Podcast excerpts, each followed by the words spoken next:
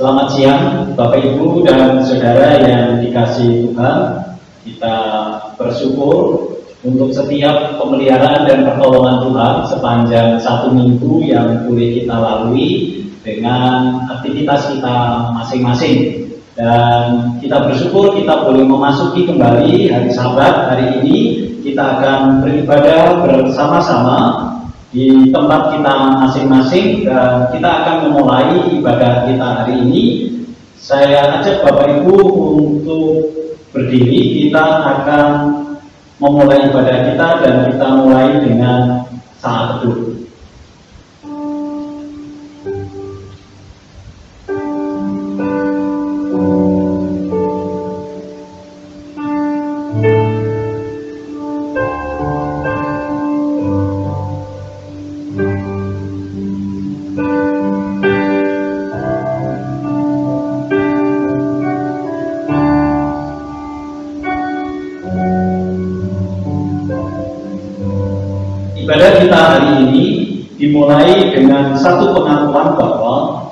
Pertolongan kita datangnya dari Allah yang menjadikan langit dan bumi beserta segala isinya dan yang tidak pernah meninggalkan hasil perbuatan tangannya.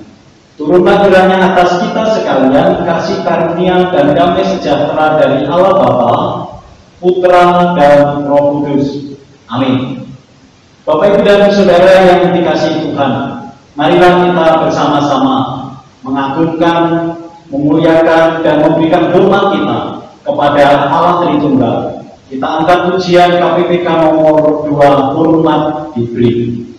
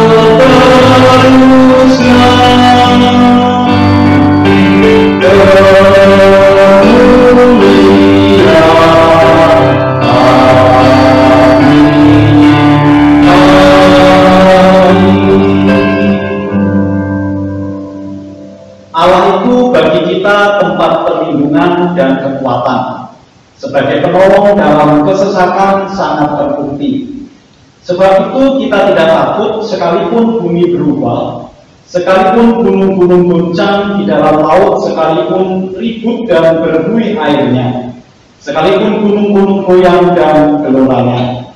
Amin. Mazmur 46 ayat 2 sampai ayat yang keempat. Bapak Ibu dan Saudara silakan untuk duduk kembali. Saudara yang dikasih Tuhan, kita akan bersama-sama menaikkan setiap doa-doa kita di hadapan Tuhan.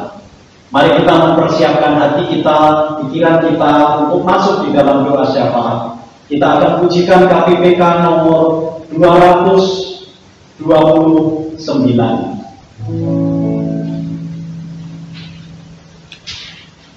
Pimpin aku.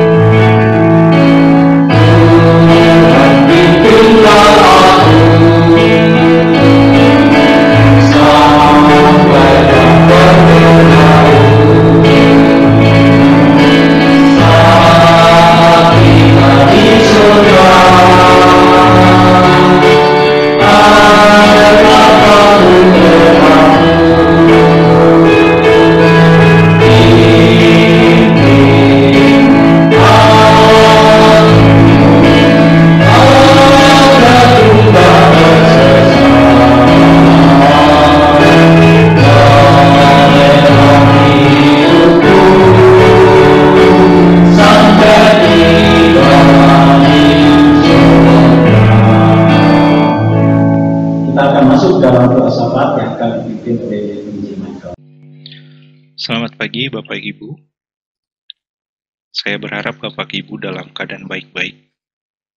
Dan pagi hari ini uh, saya akan memimpin kita di dalam doa syafaat. Mari bersama-sama kita berdoa.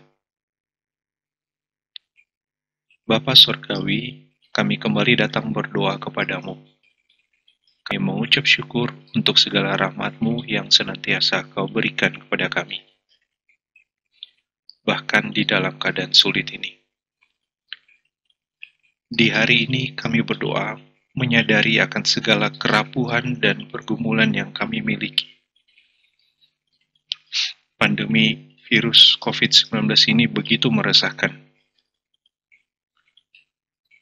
Namun kami menyadari bahwa Engkau tetap berada bersama-sama kami dalam keadaan ini. Karena itu ya Bapa, tuntunlah kami untuk selalu berharap dan berserah kepadamu dalam perjalanan iman kami di saat-saat ini. Kami juga berdoa menyerahkan segala usaha dan pekerjaan yang kami tekuni. kami memohon rahmatmu agar kiranya semua usaha kami kiranya boleh berjalan dengan baik, termasuk untuk memenuhi kebutuhan hidup kami sehari-hari maupun kiranya boleh menjadi saluran berkat bagi sesama kami demi kemuliaan namamu. Kami pun berdoa, ya Allah, bagi orang-orang di sekitar kami yang juga merasakan dampak dari pandemi ini. Kiranya kasihmu pun, kiranya kasihmu pun boleh mereka dapatkan. Karena itu tuntunlah kami, sehingga kami boleh kau pakai untuk dapat berbagi dan peduli kepada mereka. Bagi bangsa ini pun kami kembali berdoa.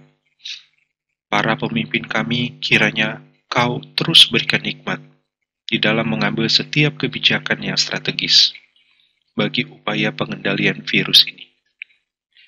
Bagi para tenaga medis yang berjuang, kiranya kau tuntun dan kuatkan mereka, ya Allah, di dalam merawat saudara-saudari kami yang terinfeksi oleh virus ini.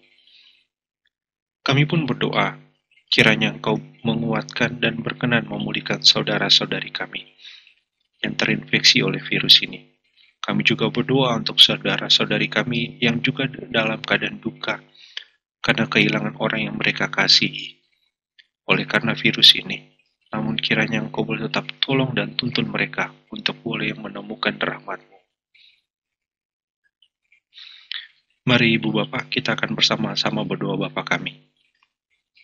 Bapa kami yang di surga, dikuduskanlah namamu, datanglah kerajaanmu, jadilah kehendakmu di bumi seperti di surga.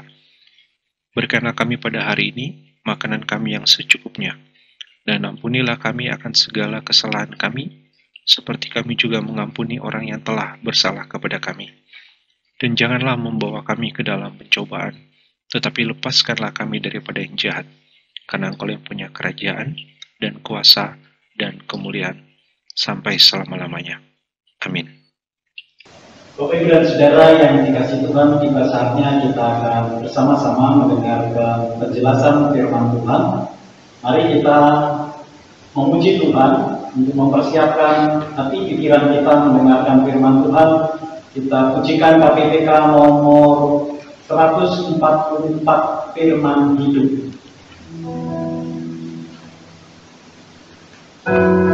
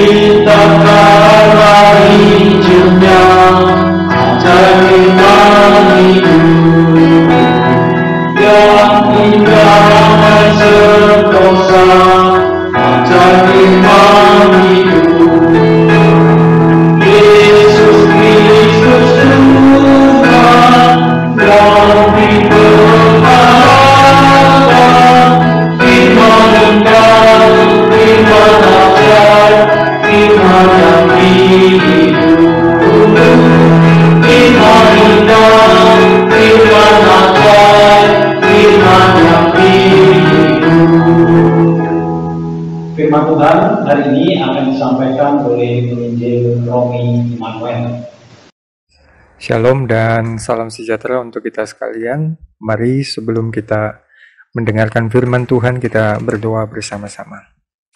Bapa kami yang di surga yang kami kenal dalam nama Tuhan Yesus, terima kasih kami diberikan kesempatan untuk bisa kembali mendengarkan sabda Tuhan, firman Tuhan di tengah-tengah bencana dan pandemi global seperti ini.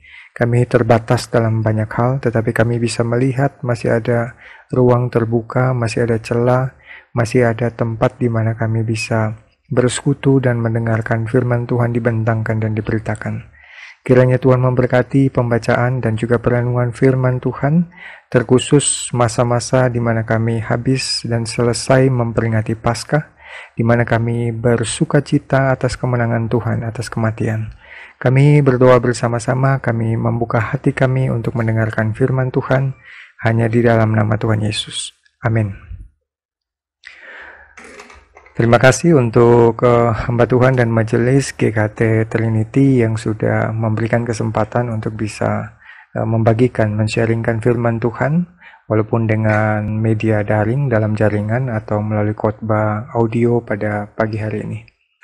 Pembacaan kita dalam Lukas pasal 22 ayat 39 sampai 46. Kalau mau dilihat secara tahun gerejawi harusnya kita setelah selesai melewati masa Paskah yaitu momen setelah kebangkitan tapi saya ingin mundur sedikit ke masa-masa di mana Tuhan bergumul di Taman Getsemani. Eh, bacaan kita di dalam Lukas pasal 22 ayat 39 sampai 46. Lukas 22 ayat 39 sampai 46 saya akan bacakan untuk kita sekalian. Demikianlah firman Tuhan. Judulnya di Taman Getsemani. Lalu Yesus lalu pergilah Yesus ke luar kota dan sebagaimana biasanya ia menuju Bukit Zaitun Murid-muridnya juga mengikuti dia. Setelah tiba di tempat itu, ia berkata kepada mereka, Berdoalah supaya kamu jangan jatuh ke dalam pencobaan. Kemudian ia menjauhkan diri dari mereka kira-kira sepelempar batu jaraknya. Lalu ia berlutut dan berdoa katanya, Ya Tuhan, Bapakku, jikalau engkau mau, ambillah cawan ini daripadaku. Tetapi bukanlah kehendakku, melainkan kehendak mulai yang terjadi. Maka seorang malaikat dari langit menampakkan diri kepadanya untuk memberi kekuatan kepadanya. Ia sangat ketakutan dan makin bersungguh-sungguh berdoa. Peluhnya menjadi seperti titik-titik darah yang bertetesan ke tanah. Lalu ia bangkit dari doanya dan kembali kepada murid-muridnya, tetapi ia mendapati mereka sedang tidur karena duka cita. Katanya kepada mereka, "Mengapa kamu tidur? Bangunlah dan berdoalah, supaya kamu jangan jatuh ke dalam pencobaan." Jemaat yang dikasih Tuhan dalam sekian waktu perenungan pribadi tentang pelayanan, uh, saya sangat bersyukur karena Tuhan menempatkan saya di beberapa tempat untuk melayani Tuhan. Uh, pernah di Surabaya, juga pernah di Eh, Palu, juga pernah tinggal di Jogja, dan juga beberapa kota dan hari ini saya tinggal di Bandung dan selalu punya uh, semacam sensasi ketika memasuki tempat yang baru dan kota yang baru. Kadangkala melihat eh, postingan-postingan anak-anak remaja yang di Surabaya ataupun yang di Palu uh, dulunya mungkin masih sangat uh, muda ketika mereka sekolah minggu masih sangat kecil ada yang masih remaja tapi sekarang sudah berubah semua setelah 10 bahkan 15 tahun berlalu. Uh, sangat senang dengan sensasi-sensasi seperti itu ketika berjumpa lagi dengan mereka dan bercerita lagi dengan mereka. Nah, saya melihat uh, hidup yang seperti itu di dalam sebuah perenungan yang begini, Bapak Ibu, bahwa kadangkala ada orang yang datang dalam hidup kita, tapi ada orang juga yang pergi. Ada orang yang kadangkala bisa berteman lama sekali sampai mungkin uh, 10-20 tahun. Ada mungkin yang berteman dari SD, dari TK, sampai berteman terus sampai punya anak cucu dan masih tetap menjadi sahabat yang baik. Kalau kita melihat banyak foto-foto kita, baik foto-foto yang di handphone atau foto-foto zaman dulu, kita kadangkala merenungi satu hal uh, ketika melihat, memandang, atau mungkin merenungkan uh, rasa-rasanya saya pernah berfoto dengan orang ini. Tapi orang ini di mana ya sekarang gitu ya? Orang ini tidak pernah kelihatan lagi, tidak pernah kontak dengan kita Bahkan kadangkala ada suatu hal terjadi seperti ini. Ketika anak remaja saya uh, calling, anak remaja yang sudah 10 tahun tidak pernah ketemu, uh, telepon, calling, saya kadangkala bisa sampai lupa nama anak ini. Padahal dulu sangat akrab, pelayanan sama-sama, visitasi sama-sama. Tapi sampai titik tertentu bahkan nama pun kadangkala bisa lupa. Apa yang saya mau katakan dari semua pendahuluan dan realita yang saya ceritakan ini, bahwa sebenarnya yang disebut dengan teman, sahabat, atau orang-orang yang mungkin dulu berjanji, jangan lupakan saya, kita akan jadi sahabat selama-lamanya. Kadangkala dengan seiringnya waktu, orang-orang itu uh, bisa juga uh, tidak ada lagi di sisi kita pada masa-masa tertentu. Sangat uh, sederhana dan sangat cepat berlalu dan sangat uh, sangat-sangat mudah dimelupakan dan sangat-sangat mudah putus hubungan-hubungan yang seperti itu. Teman-teman yang terkasih dalam Tuhan, maka pertanyaannya begini. Kalau begitu, kalau orang-orang ini yang kita rasa dekat, yang kita rasa baik sama kita, yang punya ikatan batin dengan kita, tidak mampu berjaga-jaga dengan kita, maka kepada siapa kita harus berharap? Apalagi di tengah-tengah masa corona seperti ini, semua orang masuk ke dalam rumah, eh, hubungan juga melalui media jaringan sangat terbatas sekali Bapak Ibu. Seandainya umpamanya kita punya sahabat yang tinggal jauh di Bali sana, atau punya teman dekat yang tinggal jauh uh, di seberang rumah kita, dan di tengah-tengah situasi seperti ini, di Bandung, Jakarta, Jabodetabek uh, diterapkan PSBB, pembatasan sosial berskala besar begitu ya. Jadi keluar rumah aja susah sekali. Jadi ketika situasi seperti ini uh, kita bertanya apakah mungkin sahabat kita kalau saya kesusahan dia akan datang dan beserta dan akan datang dan tolong kita.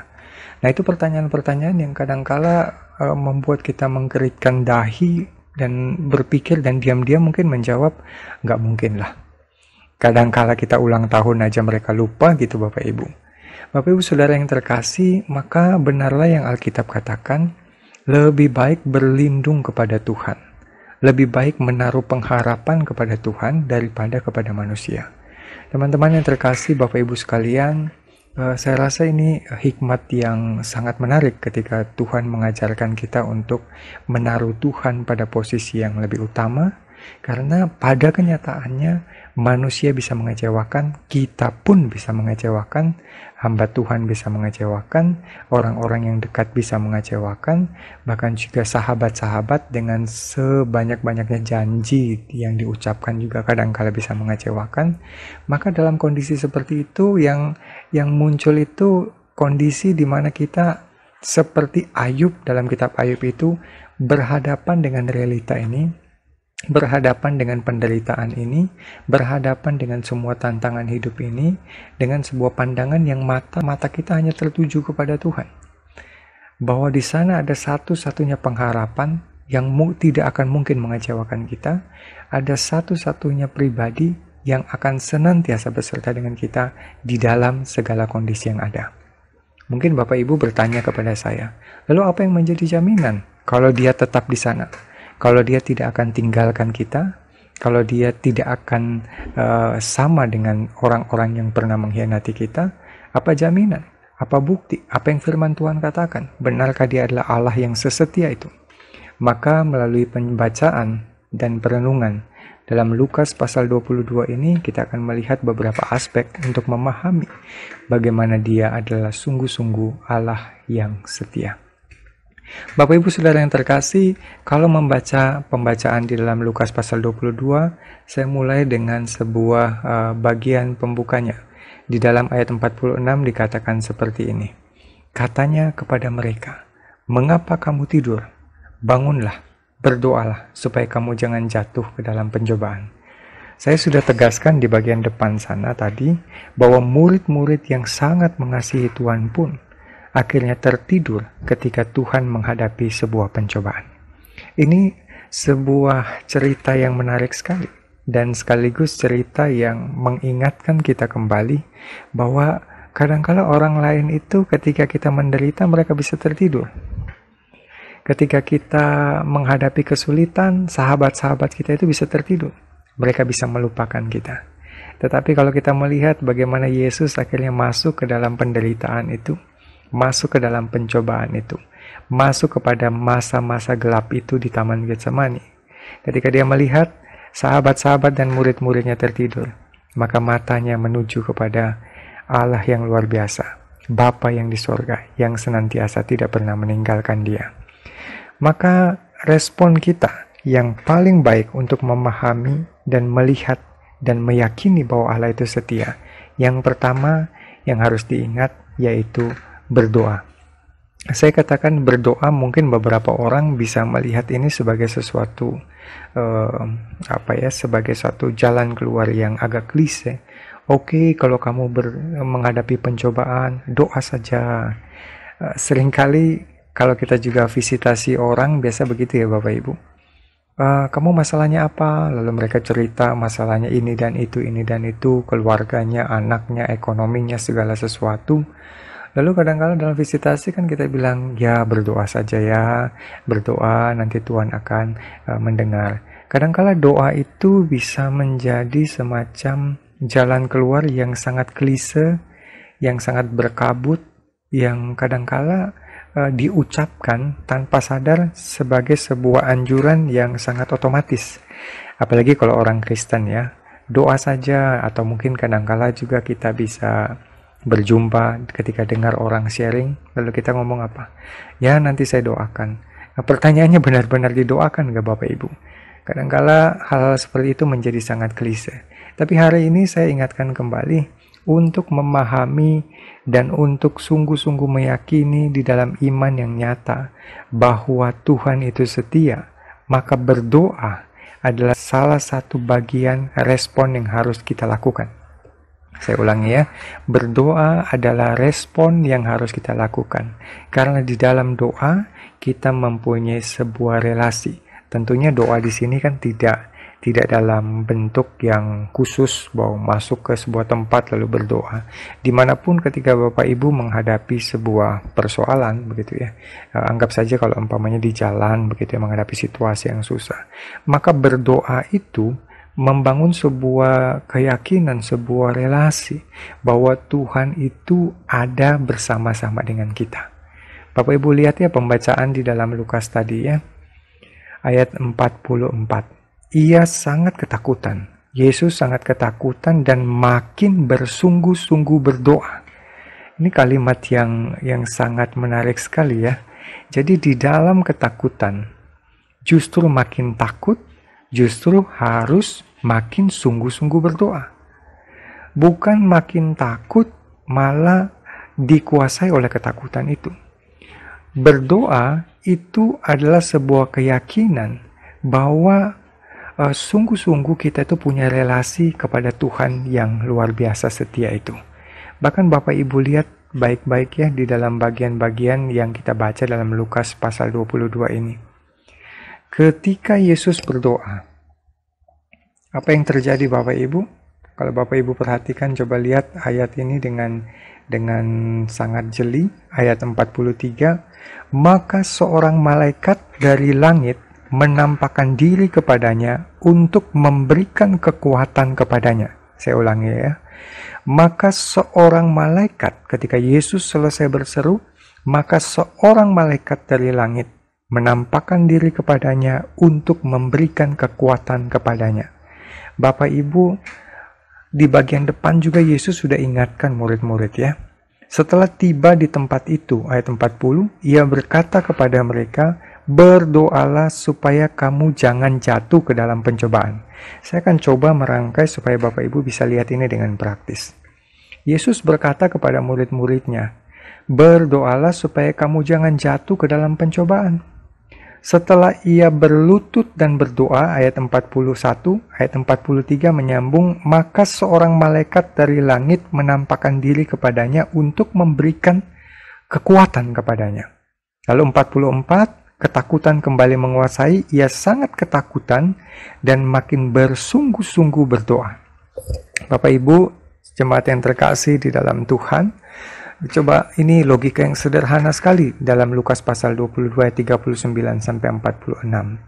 Berdoa itu memberikan sebuah ketegasan iman bahwa kita punya semacam pengharapan, pegangan, dan keyakinan iman bahwa Allah yang di sorga itu setia berserta dengan kita. Waktu kita berdoa, maka kita itu tidak akan jatuh dalam pencobaan. Pencobaan di sini bisa dipahami di mana kita dipaksa atau didorong atau ditarik untuk meragukan kesetiaan Tuhan. Tetapi semakin Bapak Ibu berdoa, semakin Bapak Ibu bisa melihat ada kekuatan. Di sini dikatakan ada malaikat dari langit menampakkan diri. Ya, saya tahu kita mungkin tidak mungkin bisa melihat malaikat Bapak Ibu. Tetapi malaikat itu selalu di dalam perjanjian lama, perjanjian baru memberikan sebuah simbol walaupun kita tidak lihat tetapi dia hadir di sana. Bahkan dalam kitab Mazmur dikatakan malaikat itu berkemah, berjaga-jaga di sekitar orang percaya. Mungkin Bapak Ibu pernah lihat gambaran eh, sebuah lukisan, ada anak kecil yang menyeberangi sebuah jembatan yang sudah mulai rapuh dan ada seorang malaikat yang digambarkan yang punya sayap, bajunya putih yang selalu melindungi anak ini. Bapak Ibu Saudara yang terkasih dalam Tuhan, uh, malaikat itu utusan Tuhan. Tapi di sini dikatakan memberikan kekuatan kepadanya. Tetapi ketakutan itu sesuatu yang kuat sekali, yang besar sekali, yang sedang menghimpit Yesus. Maka Yesus sungguh-sungguh berdoa. Nah, Bapak Ibu lihat, ketika Bapak Ibu menghadapi situasi yang susah, khususnya di dalam kondisi pandemik dan mungkin tantangan-tantangan yang lain. Kalau di Bandung Bapak Ibu, banyak orang-orang yang berduka cita, kasihan sekali ketika mereka meninggal karena semua regulasi, aturan pemerintah, eh, cara-cara yang dulu kita lakukan untuk menghibur orang yang berduka cita, sekarang dipercepat semuanya. Kalau ada orang meninggal, harus dibawa langsung dikuburkan, dan kadangkala harus dicurigai sana sini apakah dia kena virus. Nah, situasi itu sangat-sangat begitu menyesakan hati, apalagi orang yang meninggal itu adalah orang anggota keluarga yang sangat kita kasihi.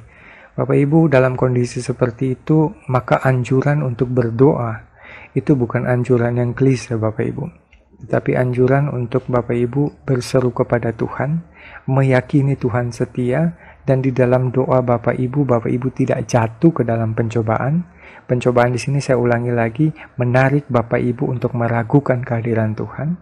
Bapak Ibu semakin kuat dalam Tuhan, semakin dihimpit oleh ketakutan, maka berdoalah.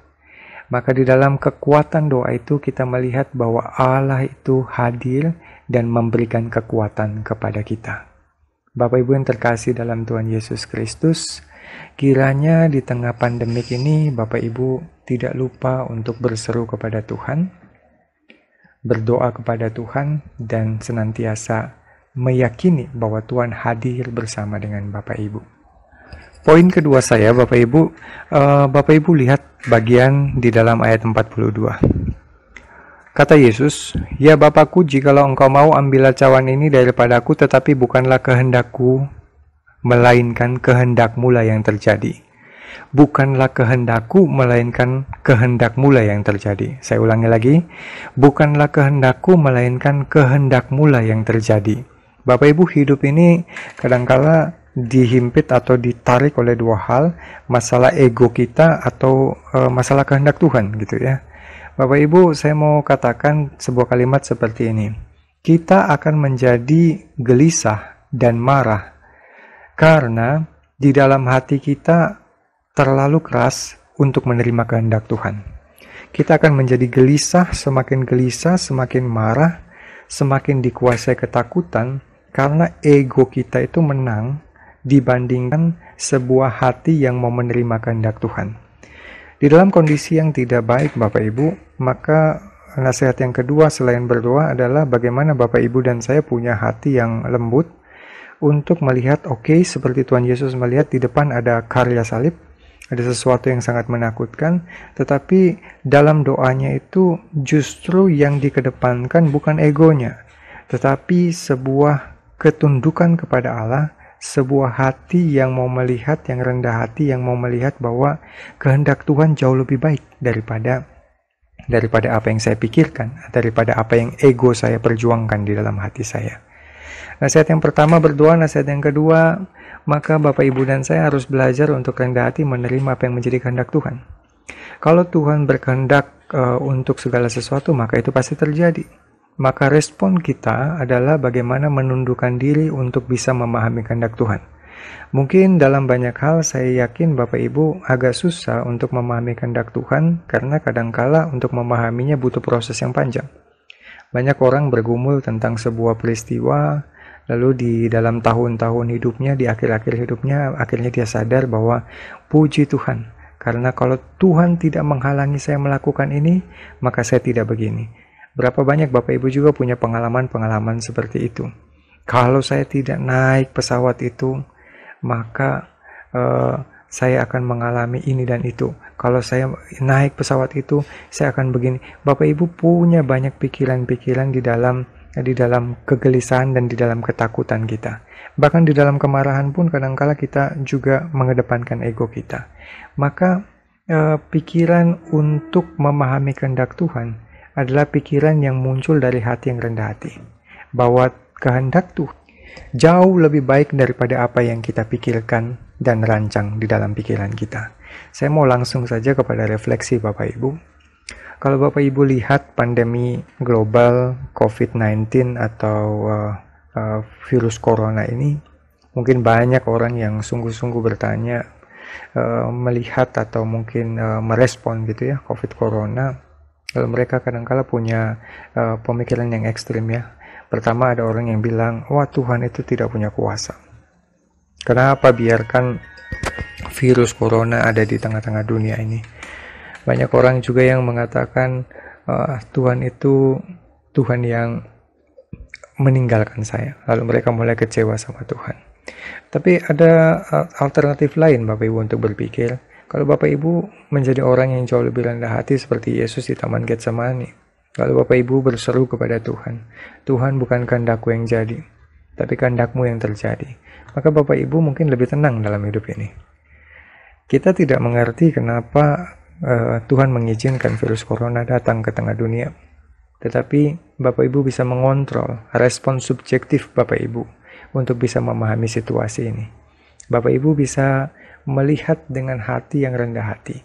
Kalau Tuhan berkehendak pada tahun 2019, 2020, wabah corona ini ada di seluruh dunia. Kita tidak memahami kehendak Tuhan, tetapi ada hati, ada respon subjektif di mana Bapak Ibu bisa rendah hati untuk berkata, biarlah kehendak Tuhan yang terjadi. Dengan Bapak Ibu melepaskan ego seperti itu, Bapak Ibu akan jauh lebih tenang di dalam meresponi ketakutan dan juga situasi yang buruk dalam hidup ini. Yang ketiga, Bapak Ibu, selain berdoa, yang kedua tadi kita menerimanya dengan sebuah keyakinan bahwa kehendak Tuhan adalah kehendak yang paling baik. Ketika Tuhan mengizinkan sesuatu, maka kehendaknya adalah sempurna. Maka yang ketiga, Bapak Ibu, yang Bapak Ibu harus ingat baik-baik. Ini peristiwa di Taman Getsemani adalah peristiwa yang penuh dengan penderitaan. Saya akan bacakan kepada kita ya, ayat 44. Ia sangat ketakutan dan makin bersungguh-sungguh berdoa. Peluhnya menjadi seperti titik-titik darah yang bertetesan ke tanah.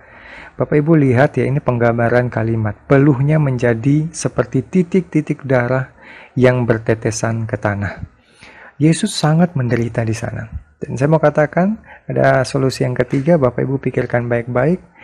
Bagaimana mungkin Allah yang setia itu bisa memahami penderitaan kita? Jawabannya karena Dia adalah Allah yang menderita.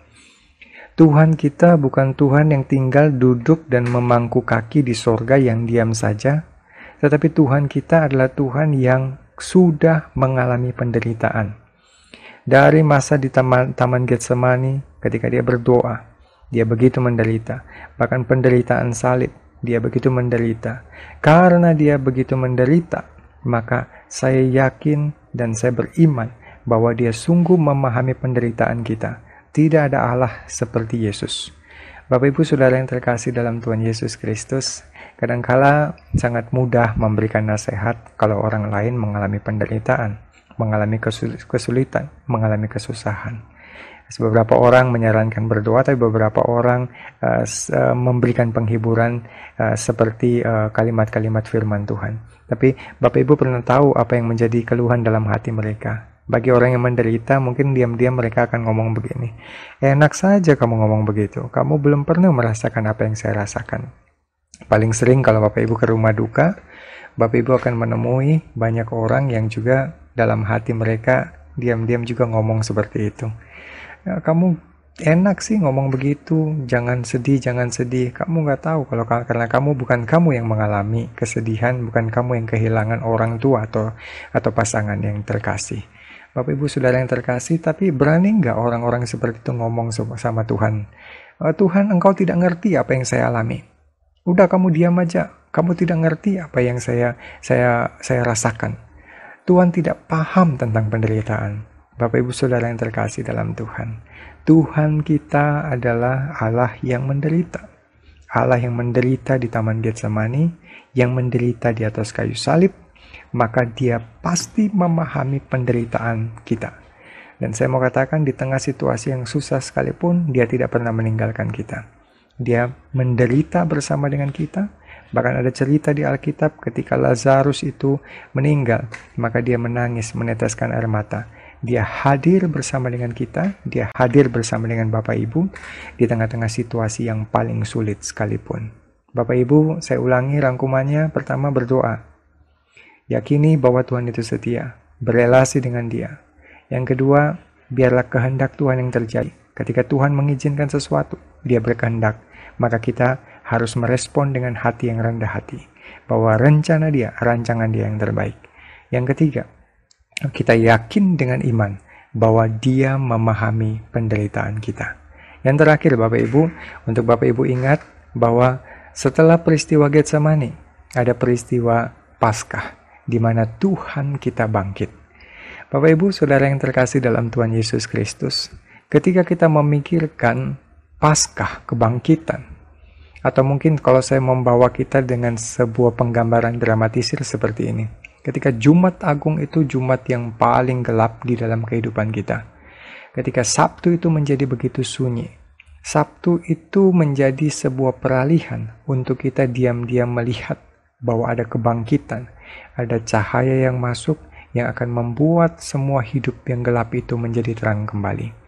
Bapak Ibu kekristenan tidak berhenti pada Jumat, tidak berhenti pada Sabtu tetapi kekristenan berhenti pada hari Minggu di mana Kristus bangkit mengalahkan maut dan kematian itu. Langsung saja Bapak Ibu pikirkan seperti ini ya. Ketika kita menghadapi sebuah situasi yang tidak stabil, situasi yang tidak sempurna, situasi yang cacat, situasi yang retak, maka Bapak Ibu pikirannya jangan terfokus kepada keretakan itu Bapak, Ibu, dan saya harus melihat kepada sebuah bagian di mana Allah sanggup menjadikan yang retak ini menjadi sempurna. Jumat bisa dilewati, Sabtu bisa dilewati, tetapi yakinlah bahwa hari Minggu adalah hari di mana Tuhan menyempurnakan segala sesuatu. Paskah itu adalah sebuah jaminan bahwa adanya kesempurnaan, adanya kemuliaan, sehingga orang Kristen yang baik bukan orang Kristen yang akan terus melihat pada keretakan. Dia melihat, oke okay, ini situasinya sedang retak. Oke okay, ini bisnis lagi nggak bisa jalan dengan baik. Oke okay, ini situasi lagi penuh dengan uh, virus seperti ini. Oke okay, ini semua sekolah diliburkan. Ini tidak bisa. Tetapi saya punya keyakinan bahwa di sudut sana, di ujung sana, ada sebuah karya Tuhan yang mampu melakukan itu dan menjadikan itu sempurna kembali. Bapak Ibu yang terkasih dalam Tuhan, kita melihat keretakan ketidaksempurnaan bukan dengan kesedihan, tetapi dengan mata iman bahwa Tuhan sanggup menjadikan itu sempurna kembali. Jadi kita tidak akan jatuh ke dalam sebuah duka cita karena melihat sebuah keretakan tetapi kepada sebuah keyakinan iman ketika Tuhan izinkan kita mengalami situasi yang buruk seperti hari ini, maka kita sangat yakin Tuhan pun sanggup menjadikan, membuat ini menjadi sempurna kembali. Apa dasarnya? Kalau Bapak Ibu kejar saya dalam pertanyaan itu, apa dasarnya bahwa di luar sana di penghujung uh, pergumulan ini ada kesempurnaan? Dasarnya adalah kebangkitan Tuhan sendiri. Kalau Tuhan kita bisa bangkit dari kematian, kalau orang-orang takut terhadap kematian, orang-orang melihat kalau saya udah mati selesai segala sesuatu. Tetapi di tengah situasi yang buntu sekalipun, Tuhan masih melahirkan sebuah pengharapan bahwa kematian pun tidak bisa menguasai dia. Bahkan di dalam kematian pun dia bisa bangkit dari antaranya, dari antara kematian itu. Bapak Ibu, kalau Bapak Ibu dan saya jadi orang Kristen yang sungguh memahami karya kebangkitan Tuhan, maka Bapak Ibu harus punya semacam pikiran atau semacam keyakinan iman di dalam hati Bapak Ibu bahwa situasi ini suatu saat akan disempurnakan kembali. Bayangan akan kesempurnaan itu memberikan pengharapan kepada Bapak, Ibu, dan saya. Ini kurang lebih empat hal yang mungkin kita bisa pikirkan dari dari apa yang disampaikan dalam Lukas pasal 22 ini. Berdoa. Yang kedua, biarlah kehendak Tuhan yang terjadi. Yang ketiga, bahwa Allah itu menderita bersama dengan kita. Yang keempat, ada sebuah kesempurnaan yang Tuhan sedang kerjakan. Biarlah kita berproses di dalam situasi yang penuh dengan virus dan juga situasi yang terbatas ini, tetapi dengan hati yang meyakini bahwa Tuhan sanggup memberikan pemulihan di tengah-tengah situasi yang buruk ini. Kiranya Tuhan memberkati kita, mari kita berdoa bersama-sama. Bapa di surga, kami bersyukur Tuhan, di dalam hati kecil kami ada ketakutan. Tetapi kami percaya bahwa Ketakutan kami hilang ketika kami berseru kepada Tuhan, meyakini bahwa Tuhan beserta dengan kami. Tuhan itu setia, dan kehendak Tuhan ketika Tuhan mengizinkan segala sesuatu walaupun kami tidak mengerti, tetapi kami percaya Tuhan akan memberikan solusi yang terbaik. Tuhan engkau berproses dengan waktu dengan dunia ini, dan kami melihat ada gambaran kesempurnaan. Kalau engkau sanggup bangkit dari kematian, engkau pun sanggup memulihkan situasi dunia ini. Berkati setiap jemaatmu Tuhan. Berikan kekuatan. Mereka bergumul dengan masalah ekonomi, Tuhan yang memberikan kekuatan.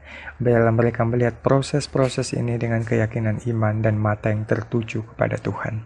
Engkau adalah Allah yang setia, walaupun orang lain meninggalkan, tetapi Engkau adalah Allah yang setia kepada setiap kami. Terima kasih, kami berdoa dan kami bersyukur hanya di dalam satu nama Tuhan Yesus Kristus yang sudah memberikan firman dan memberikan penguatan kepada kami semua. Dalam nama Tuhan Yesus, kami berdoa. Amin. Selamat Paskah Bapak Ibu, Tuhan Yesus memberkati kita sekalian.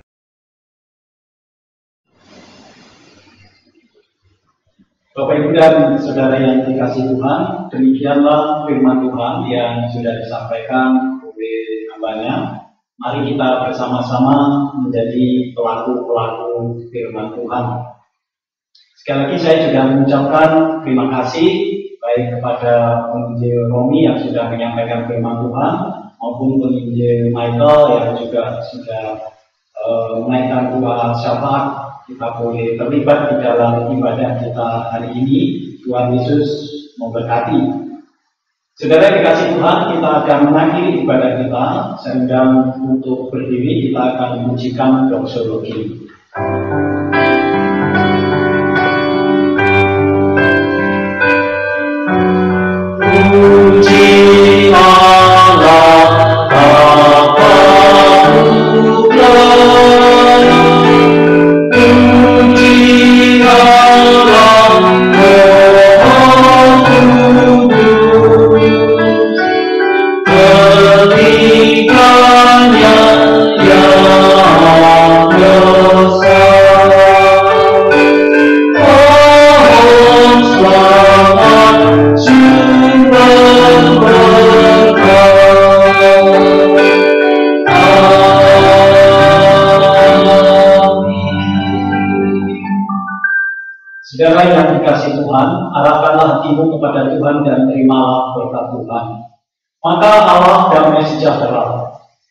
Darah perjanjian yang kekal telah membawa kembali dari antara orang mati gembala agung segala domba, yaitu Yesus Tuhan kita, Kiranya memperlengkapi kamu dengan segala yang baik untuk melakukan kehendaknya dan mengerjakan di dalam kita apa yang berkenan kepadanya.